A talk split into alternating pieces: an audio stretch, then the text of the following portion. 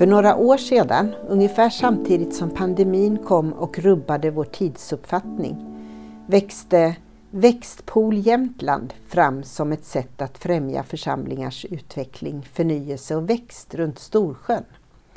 Sju församlingar gick samman och gjorde gemensam sak i ett projekt för att hitta nya vägar till att möta människor med evangelium och samtidigt frigöra och uppmuntra resurser som finns i församlingarna. Växtpool Jämtland lever med ledorden Tillsammans, framåt och utåt.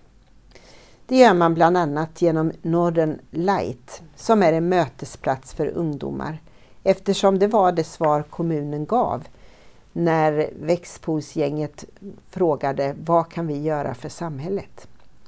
Det fanns inget för ungdomar, men nu finns det i Myrviken och i Änge ungdomshäng där godis, mat, aktiviteter och bön blandas härligt. Det har blivit mötesplatser som gör skillnad såväl för individer, samhällena som för de ganska små församlingarna som tillsammans satsar för sina orter. Naturligtvis är medarbetarna i växtpoolen Marta, Christian, Hamid och Gustav centrala för att brygga arbetet i församlingar och samhälle. Låt oss komma ihåg dem i våra böner.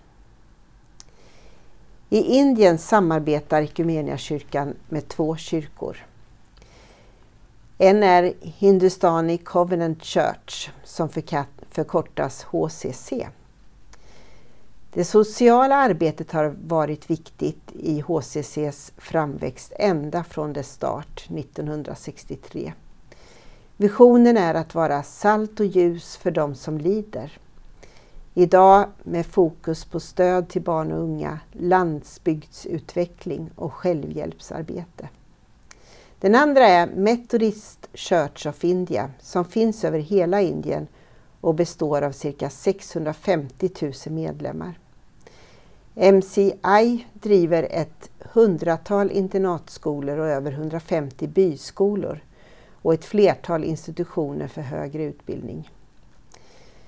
De är också mycket engagerade i välfärds och utvecklingsprogram i byarna och driver ett 25-tal sjukhus och hälsocentra i landet.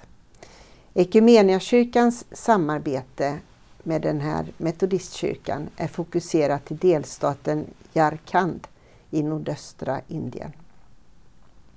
Ekumeniakyrkan vill vara med och stödja församlingarnas arbete och evangelisation men också rättigheter och utveckling i 20 dalitbyar, rehabilitering för alkoholmissbruk och utbildning för minoriteters barn och barn med funktionsvariationer. Det behöver också nämnas att Indien, som är en sekulär stat, under de senaste tio åren går från att vara ett land där religionsfrihet har varit påtaglig och en del av själva själen till att mer förtrycka religiösa minoriteter. Det gör vardagen allt svårare för bland annat kristna och muslimer och är en utveckling som oroar oss i omvärlden. Så låt oss be för Region Mitt, för vårt arbete i Indien och också för vår skapelse. Gode Gud, vi ber för församlingar och ekumenia i Region Mitt. Vi ber om den blandning av uthållighet och upptäckarglädje som kan ge stabilitet och mod att pröva nytt. Vi ber för Marta, Christian, Hamid och Gustav i Växtpool Mitt och för mötesplatser som gör skillnad, för enskilda och för samhällen. Låt ditt ljus lysa upp deras väg. Vi ber också för kristna syskon i Indien. Jesus, du vet vad det är att bli förföljd. Vi ber dig att vara nära, inte bara våra trossyskon i Indien, utan alla som förföljs på grund av sin religion. Vi ber att din kyrka ska vara en profetisk röst i samhället och dela din kärlek till dem som trakasserar. Så vill vi tacka för livet och ber för hela skapelsen. Enträget ber vi om mod och villighet att lyssna till skapelsens rop i vår tid. Hjälp oss till omställning för världens och mångfaldens framtid. Om detta ber vi i Faderns, Sonens och den heliga Andens namn. Amen. Gud välsigna dig och din dag.